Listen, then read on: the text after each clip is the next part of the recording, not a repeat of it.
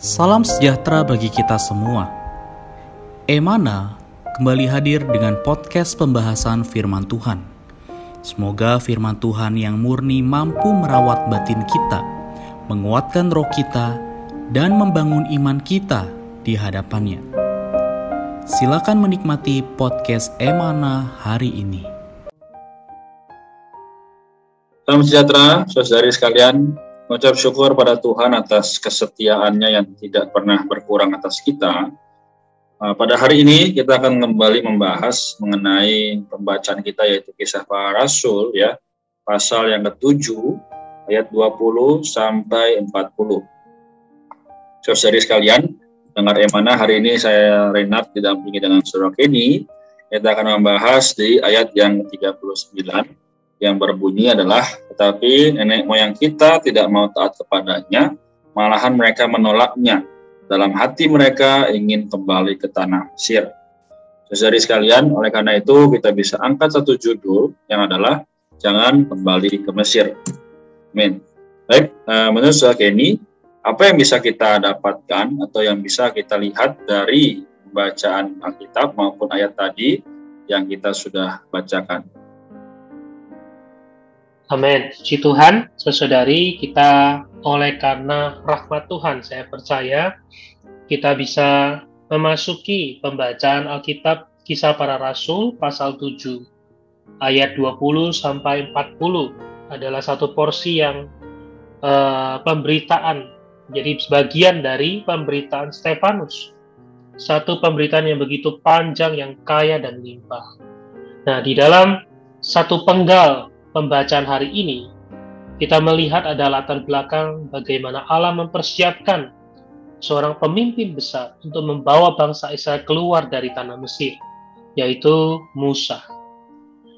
Tetapi di akhir dari bagian ini dikatakan bahwa tetapi nenek moyang kita tidak mau taat kepadanya, malahan mereka menolaknya. Dalam hati mereka ingin kembali ke tanah Mesir. Ini adalah satu gambaran yang kontradiktif. Karena di ayat sebelumnya kita melihat bagaimana Allah dengan keajaibannya, dengan kebesarannya, dengan kemuliaannya, mempersiapkan, memanggil Musa, bahkan memimpin Musa untuk bisa membawa bangsa Israel keluar dari tanah Mesir. Dan tentunya ayat yang pembahasan kita, yaitu ayat 39 ini adalah menceritakan kondisi di mana bangsa Israel mereka sudah mengalami banyak pengalaman. Mereka melihat sendiri bagaimana Allah dengan tangan yang kuat membawa mereka keluar dari tanah Mesir. Mereka melihat sendiri bagaimana Allah membelah Laut Merah. Ya. Mereka melihat sendiri bagaimana Firaun bersama dengan pasukannya. Oh Tuhan habisi ya dengan di dalam Laut Merah. Mereka bahkan melihat sendiri bagaimana Allah dengan tiang awan dan tiang api memimpin mereka. Tetapi ketika mereka lemah, ketika mereka menghadapi khususnya perkara hidup, kebutuhan hidup, keperluan hidup,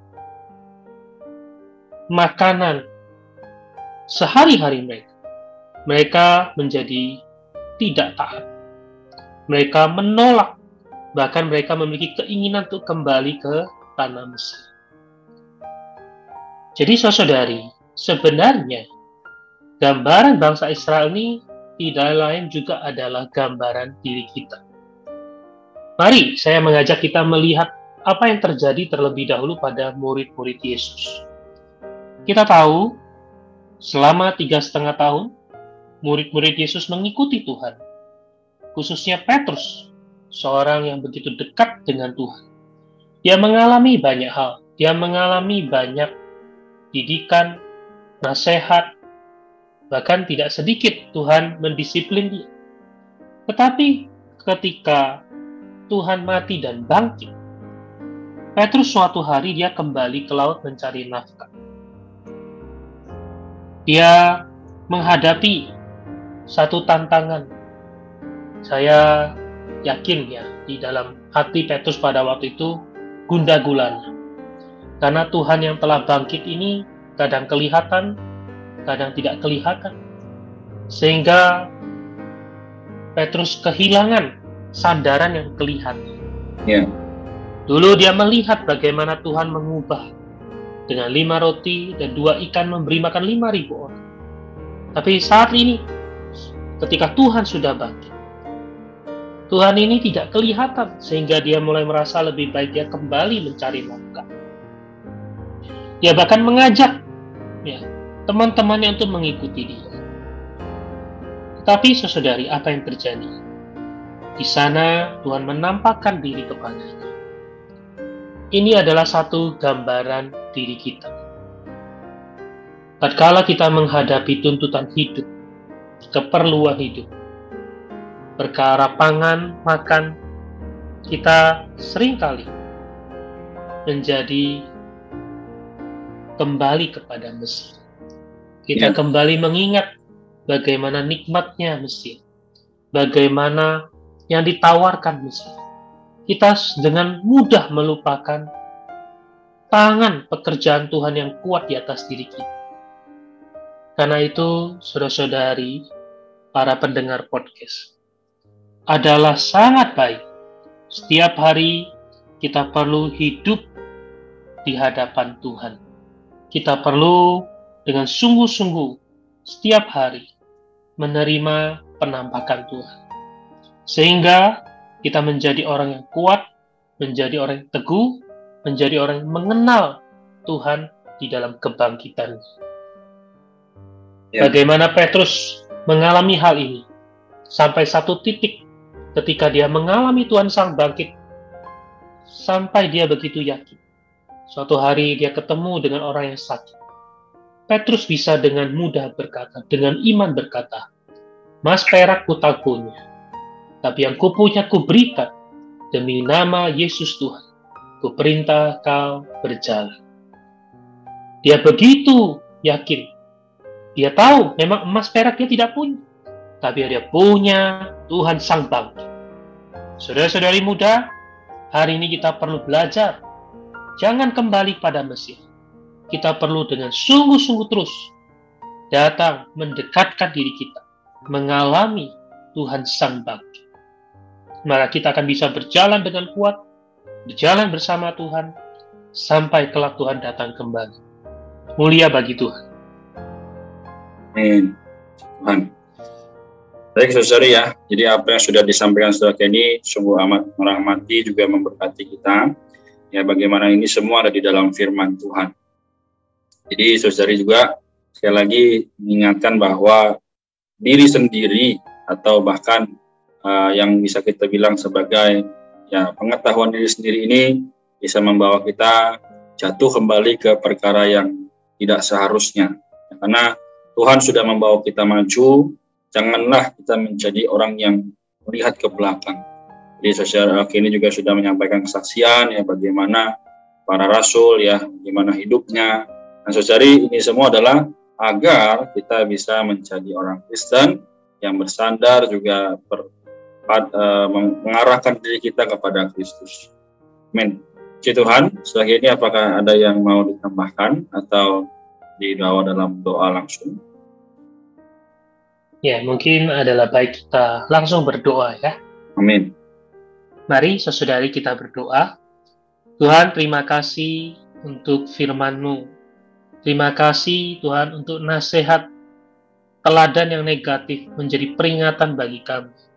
Bagaimana bangsa Israel di dalam ketidaktaatan mereka. Mereka menolak Musa, menolak diri Allah. Dan mereka ingin mengingat kembali kepada Mesir. Tuhan, gambaran ini sungguh adalah gambaran diri kami tatkala kami lemah, tatkala kami bersandar pada diri sendiri, kami pasti akan dengan mudah kembali kepada Mesir, kepada kehidupan di dalam dosa, di dalam dunia. Tuhan, kami masih perlu kasih karuniamu yang menopang menjaga kami. Terima kasih Tuhan, hari ini mungkin kau menyiapkan banyak musah di dalam gereja yang menuntun memimpin kami tapi kami sendiri perlu mengalami penampakan. Kami sendiri perlu mengalami hadirat. kami sendiri perlu mengalami Tuhan Sang Bangkit yang memanggil kami, yang hidup di dalam kami, menopang kami, khususnya di saat-saat yang sulit. Kami percaya Tuhan, saat-saat yang sulit yang kau izinkan, masa pandemi ini, justru adalah satu pelajaran membawa kami untuk senantiasa hidup di hadapan Tuhan. Dan ya Tuhan, penampakanmu, hadiratmu, firmanmu, perkataanmu menjadi kekuatan, menjadi supply, menjadi penopang di dalam hidup kami. Amin. Kami serahkan setiap saudari yang mendengar, kiranya firman Tuhan penuh kuasa bekerja di dalam hati kami semua. Mulia bagi Tuhan, kami berdoa di dalam nama Tuhan Yesus Kristus. Amin. Amin. Puji Tuhan. Terima kasih, Saudara ini. Terima kasih juga saudari yang sudah mendengarkan. Semoga apa yang kita dengarkan boleh kita bagikan kepada anak keluarga maupun saudara. Tuhan Yesus memberkati. Sampai jumpa di podcast berikutnya. Memberkati. Sekian pembahasan firman porsi hari ini. Sampai jumpa di podcast berikutnya. Jangan lupa untuk download aplikasi Emana pada handphone Anda untuk manfaat yang lebih banyak. Tuhan Yesus memberkati.